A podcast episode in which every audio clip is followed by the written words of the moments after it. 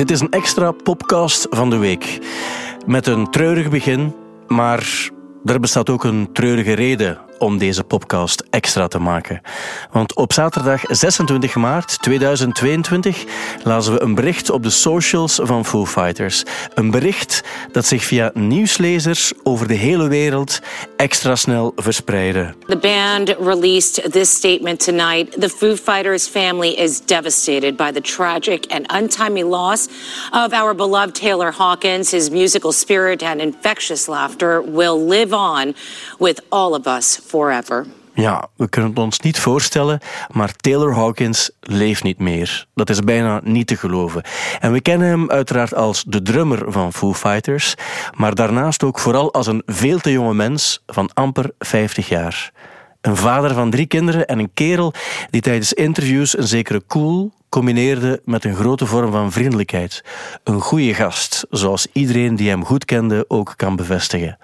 Hij was die zeer herkenbare drummer met het haar van een surfer en meestal ook die veelkleurige zwembroek van een surfer, waar hij dankzij de juiste opmerkingen van Dave Grohl ook live mee scoorde. You, you haven't seen his pants yet.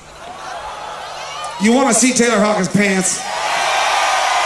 Do you want to see his pants? Het waren die veelkleurige broeken met palmbomen op. En het is niet altijd heel mooi om te zeggen, maar als er een drummer van een grote band sterft, dan is dat niet altijd groot muzieknieuws. Zelfs niet voor de brede community van muziekliefhebbers. Ik bedoel, mensen vinden dat erg, dat uiteraard wel. Maar je leest of ziet dan zelden een grote hoeveelheid pakkende reacties van muziekfans die er ook oprecht niet goed van zijn. En dat was nu echt helemaal anders. Zo zijn er bijvoorbeeld de reacties van de bekende fans. Uh, bekende fans zoals drummer Mario Goossens van Triggerfinger. Dave Grohl, dat is de tweede keer dat hij zoiets meemaakt. Hè. Mm -hmm. Dat Nirvana destijds en nu dan nog eens met, met, met Taylor Hawkins. Dat is, wow, dat is, dat is, dat is wow, bah. Ah, ik ben er eigenlijk niet, niet zo goed van, nee. Nou, we zijn er ook niet goed van. En misschien nog mooier, de vele reacties van de onbekende muzikanten, die er ook niet goed van zijn. Tot tranen toe zelfs. Vanavond gaan wij zelf met onze band uh, optreden. Met een uh, akoestische set. En uh, ja, met dus uh, Taylor Hawkins ook eren. Ja, Foo Fighters, dat is meer dan Dave Grohl. Het is te zeggen, Foo Fighters is normaal echt wel Dave Grohl, maar ook voor een groot stuk Taylor Hawkins, de drummer die live ook regelmatig gezong en alleen al met zijn aanwezigheid in de band een belangrijke steunpilaar was voor de frontman van de band. Weet je nog die keer in 2015 toen Dave Grohl van het podium viel in Göteborg? Wie nam toen de show over terwijl ze het been van Dave Grohl oplapte? Dat was Taylor Hawkins. En hij zong Queen covers. De show was in veilige handen. Er was oprechte vriendschap en ook vertrouwen. En dat is heel belangrijk in een groep die lang wil meegaan. In deze podcast wil ik met behulp van tien belangrijke platen uit het leven van Taylor Hawkins een antwoord proberen vinden op de vraag: hoe komt het dat de impact van de dood van Taylor Hawkins zoveel reacties uitlokte? Of misschien moet de vraag eerder zijn: waarom was Taylor Hawkins zoveel meer dan gewoon een drummer van een legendarische rockband?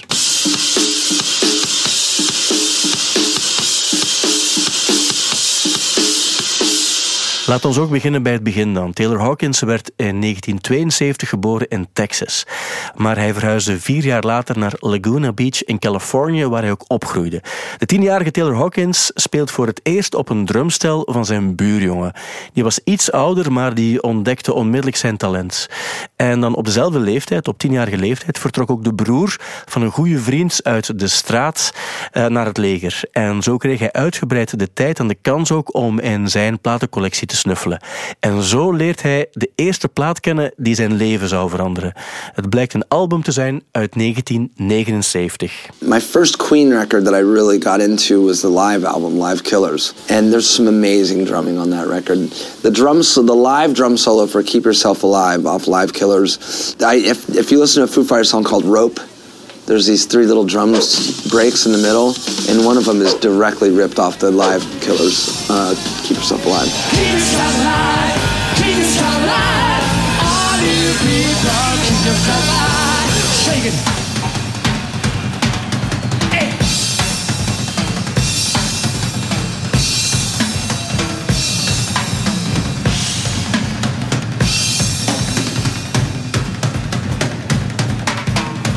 Het is bijna niet te doen om het genie Taylor Hawkins in tien nummers samen te vatten. Maar als we toch moeten proberen, dan is dit plaat 1. Keep Yourself Alive van Queen. Het eerste nummer dat Taylor Hawkins als kind helemaal zot kreeg van een drumtoestel. Het was meer specifiek dus de manier waarop Queen-drummer Roger Taylor speelde. En ja, Queen is altijd een rode draad gebleven in het leven van Hawkins. Ook bij Foo Fighters. De band coverde zo vaak Queen en het was ook telkens Hawkins die zong. Hij heeft zelfs op een bepaald ogenblik een drumvel gekregen van Roger Taylor van Queen. En hij speelde er nog regelmatig op, vooral dan bij speciale gelegenheden. Maar er was in zijn tienerjaren nog een andere drummer die erg belangrijk zou blijken als inspiratiebron. My brother handed me a copy of Police Zenyatta Mandata. This was 1982. But he handed me this album and he goes, If you want to be good, you have to play like this guy. And all of a sudden,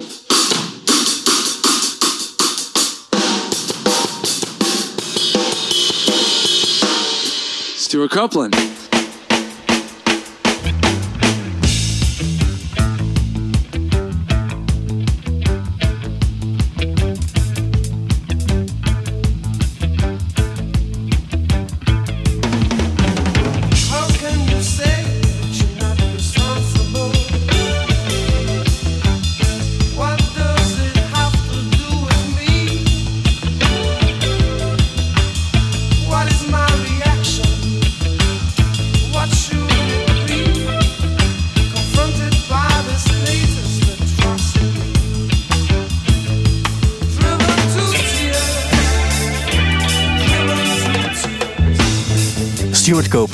Goede drummer, fantastische band ook. Dus we zitten bij plaat 2. The Police and Driven to Tears. Taylor Hawkins had zijn voorbeelden, al waren het twee totaal verschillende drummers. En zo gaat hij dan zelf ook aan de slag. In de middelbare school leert hij ook snel de voordelen van het muzikant zijn. Je kan ook drumles geven bijvoorbeeld, maar dan aan meisjes. En tijdens die lessen kan je dan subtiel en ja, ook met een goede reden op een stijlvolle manier in die comfortzone geraken. Al klinkt dat nu wel iets meer creepy dan het in werkelijkheid was, uiteraard. This is what I used to do with girls in high school. Give them drum lessons. Ha! In the hi hat. One, two, three, four. One, two, three, four. Now, put your foot on that pedal over there, the kick drum pedal. There you go. Come on, give it a good proper kick. There you go. Zo gingen die lessen, zo gingen die lessen. We begrijpen het ook, ja. Taylor Hawkins groeit uit tot een goede drummer en begin jaren 90 mag je ook meespelen in de band van een Canadese zangeres genaamd Sass Jordan. Misschien niet de allergrootste of bekendste naam, maar ze stelde wel iets voor. In 1992 nam ze zelfs een duet op met Joe Cocker voor de succesfilm The Bodyguard met Whitney Houston en Kevin Costner. Costner die had haar per gehoord op de radio, hij was fan en zo ging dat dan. En dit is het nummer in kwestie.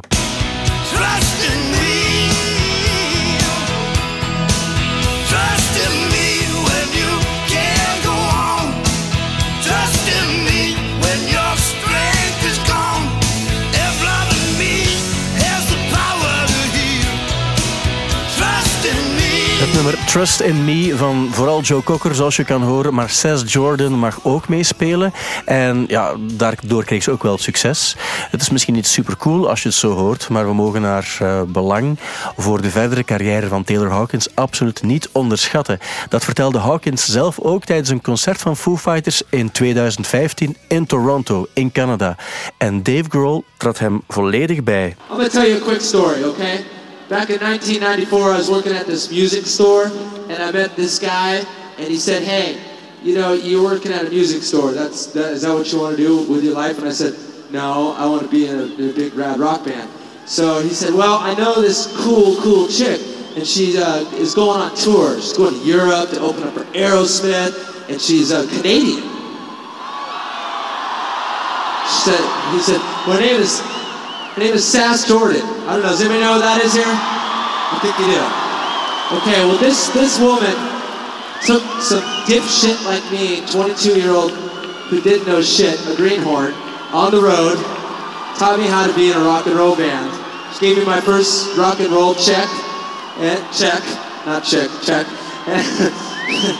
and uh, and tonight I get to play with her again. I haven't played with her in a long time. Can you guys say hello, Sass Jordan? Say hi, Sass. Sass Jordan, right now. This is So if it weren't for Sass Jordan, Taylor Rockets would be in a Foo Fighters right now. Damn true. So everybody say, thanks, Sass.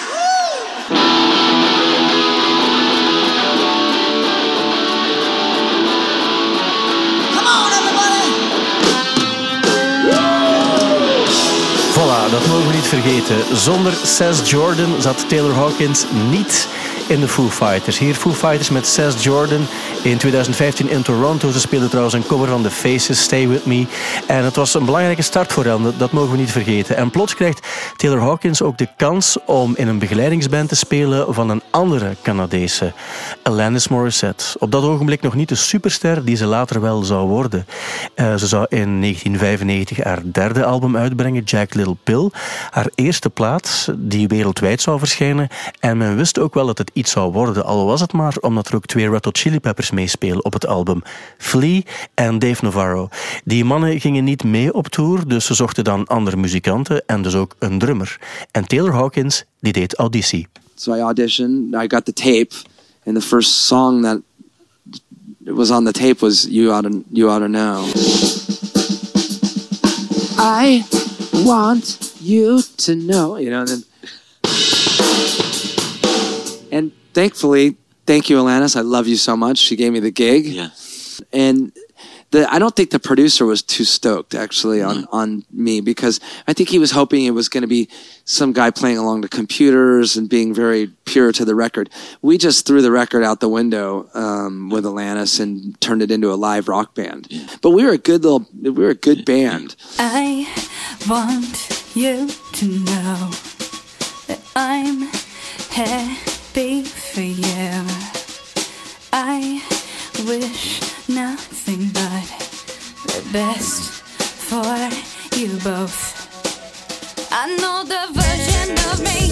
Is she perverted like me? Would she go down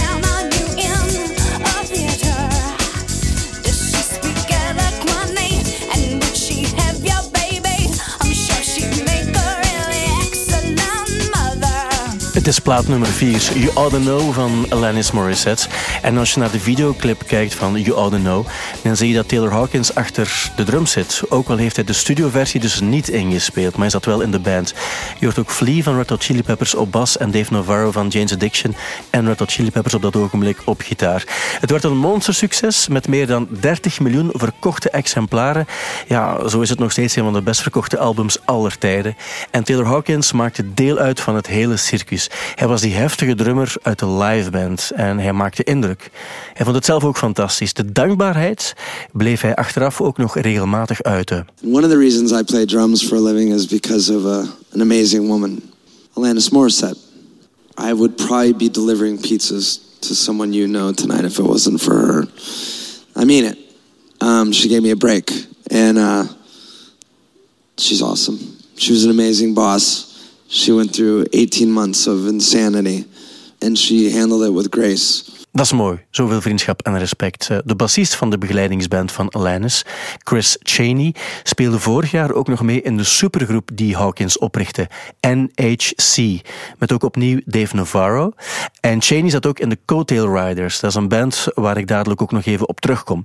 Dankzij zijn job bij Alanis Morissette leerde Hawkins ook Dave Grohl kennen die onder de indruk was van zijn skills als drummer. Dus, wanneer het in 1996 fout loopt tussen Foo Fighters en de tweede drummer van de band, William Goldsmith, besluit de band eens te bellen naar die goede drummer van Alanis Morissette met de vraag of hij toevallig geen andere goede drummer kent die hen eventueel uit de nood kan helpen. So Dave calls him up and is like, "Hey man, do you know any good drummers?" It's like, yeah, I'll be your fucking drummer. Let me try out.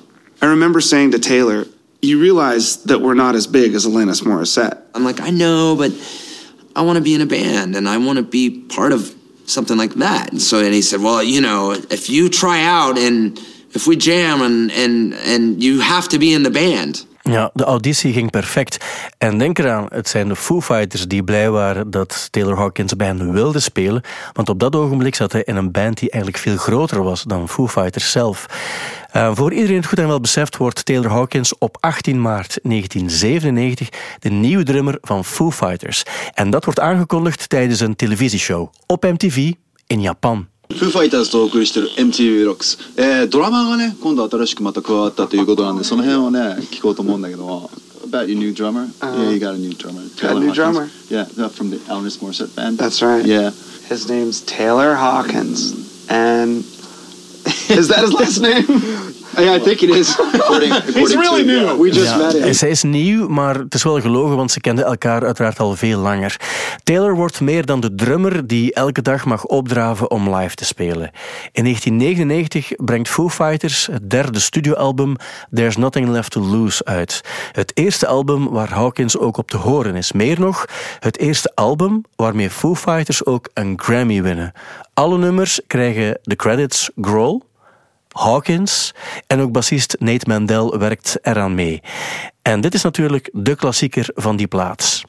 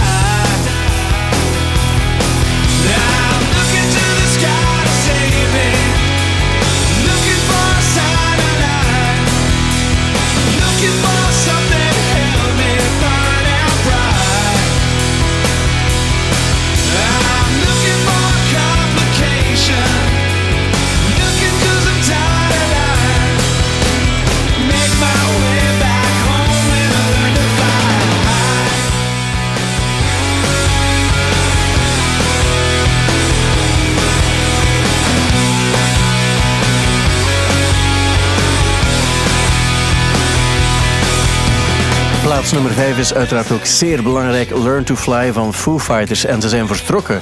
Een van de eerste belangrijke nummers die Taylor Hawkins indrumt is het ook. Maar heeft het nummer ook meegeschreven. Het is een cool nummer met ook een uh, clip bij. De band wordt groter en groter en mag ook in arena's gaan spelen. Wat fantastisch is. Maar de tol van de roem en het succes mag je dus niet onderschatten. Tijdens een tour speel je elke avond in min of meer dezelfde omstandigheden.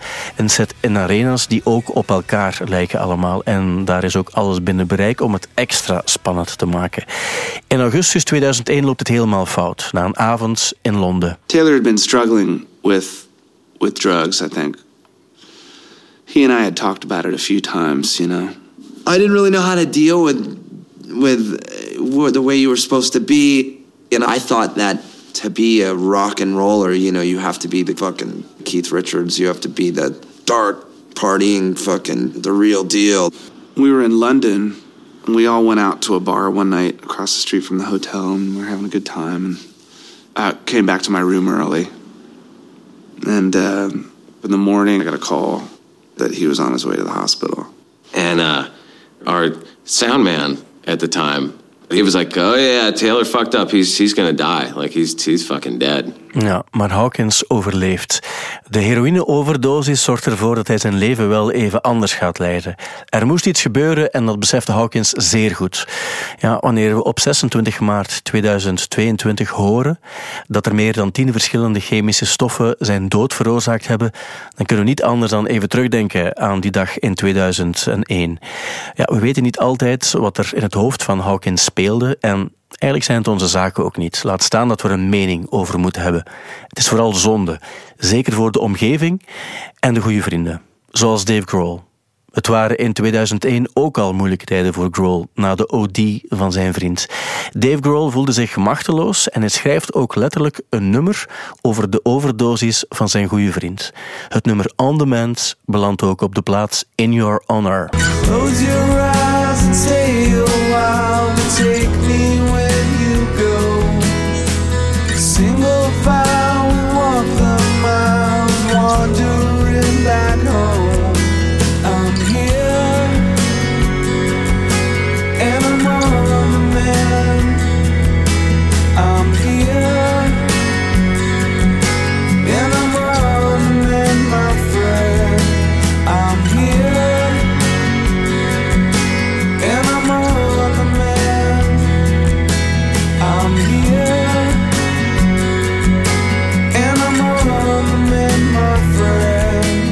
Dave Grohl wilde vooral laten weten dat hij er was voor zijn vriend. Plaats 6, On The Mend van Foo Fighters. Het nummer dat Dave Grohl schreef dus over de OD van zijn goede vriend en bandgenoot Taylor Hawkins. De twee blijven in de jaren die volgen veel nummers schrijven en opnemen en ze toeren ook wel weer met plezier. In 2001 schrijft Hawkins ook het eerste Foo Fighters nummer dat hij zelf ook mag zingen. Cold Day in the Sun. Hij is de frontman en Dave Grohl speelt de drums, dus de rollen worden omgedraaid. En zo gebeurt het ook tijdens concerten. Dat zie je bij niet zo heel veel bands gebeuren. Plaats 7, Cold Day in the Sun van Foo Fighters met zanger Taylor Hawkins. It's cold day in the sun.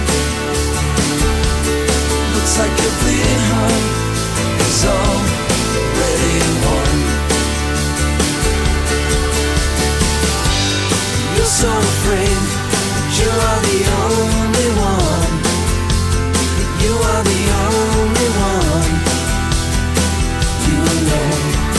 Eerste Foo Fighters nummer dat Taylor Hawkins alleen schreef en zong, Cold Day in the Sun. Ja, Foo Fighters blijven een productieve band, maar er is ook ruimte voor andere muzikale projecten.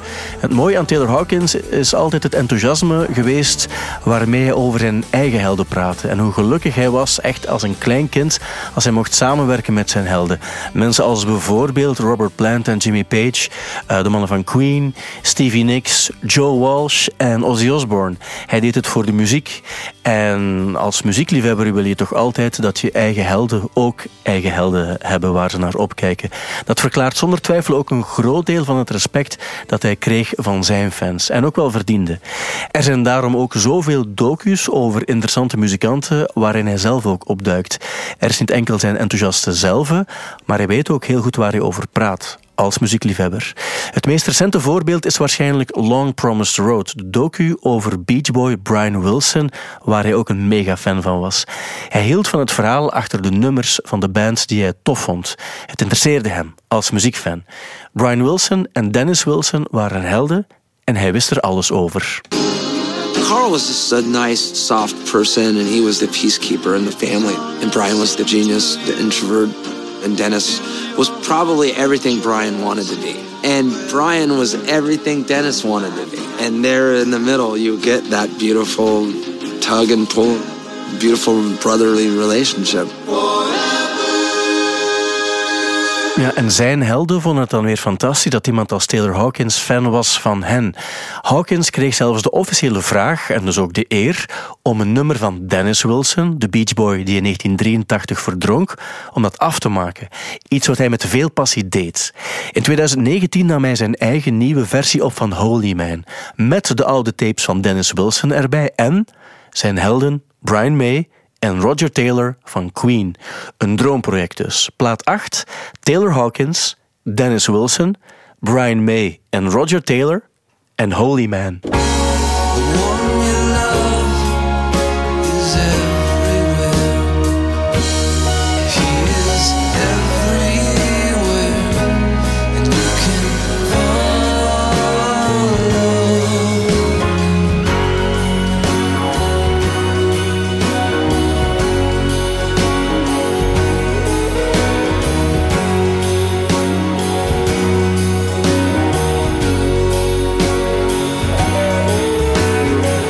Man van Dennis Wilson in de Taylor Hawkins versie. Misschien heb jij Hawkins in 2010 ook in ons land gezien met een van zijn eh, vele zijprojecten. En dat jaar speelde hij twee keer in ons land met Taylor Hawkins en de Co-Tail Riders. Hij vond het op dat ogenblik niet erg om niet voor 40.000 mensen te spelen zoals hij elke avond wel met Foo Fighters deed. Hij vond het oké om voor 2000 mensen te spelen.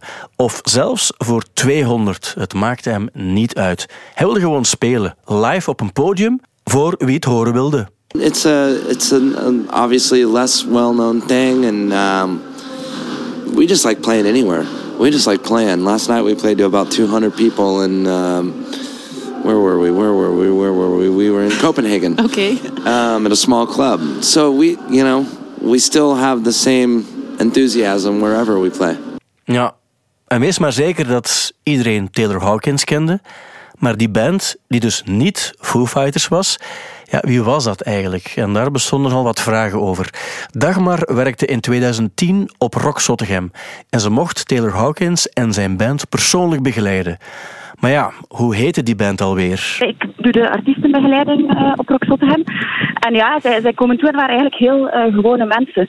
Maar ik had eh, een klein foutje gemaakt op de, met de artiestennaam op de deur van de kleedkamer. had ik, nou ja, dat was eigenlijk redelijk gênant. Maar ik had daar Goat Tail Riders van gemaakt met een... met een G. Het was echt een van mijn eerste edities op Rock Zottegem, dus ik, eh, ik ging door de grond zakken van schaamte. Eh, en ik dacht, die gaan echt die gaan kwaad zijn. Maar ja, ik had honderd dingen aan mijn hoofd. Eh, dus ik dacht, die gaan heel erg kwaad zijn. Maar die vond dat heel erg grappig. Ik mocht het ook niet vervangen. en hij gaf mij een dikke knuffel en nam dan nog een selfie voor de kleedkamer met de foute naam. Die hij dan ook nog gepost heeft online. Maar dat toont natuurlijk ook echt wat voor ja, fantastische en gewone mens dat dat was. Hè. Ja, en ook heel schattig. En het zegt ook weer zoveel over wat voor iemand Taylor Hawkins eigenlijk was. Nummer 9, Taylor Hawkins en de Coattail Riders. Not bad luck.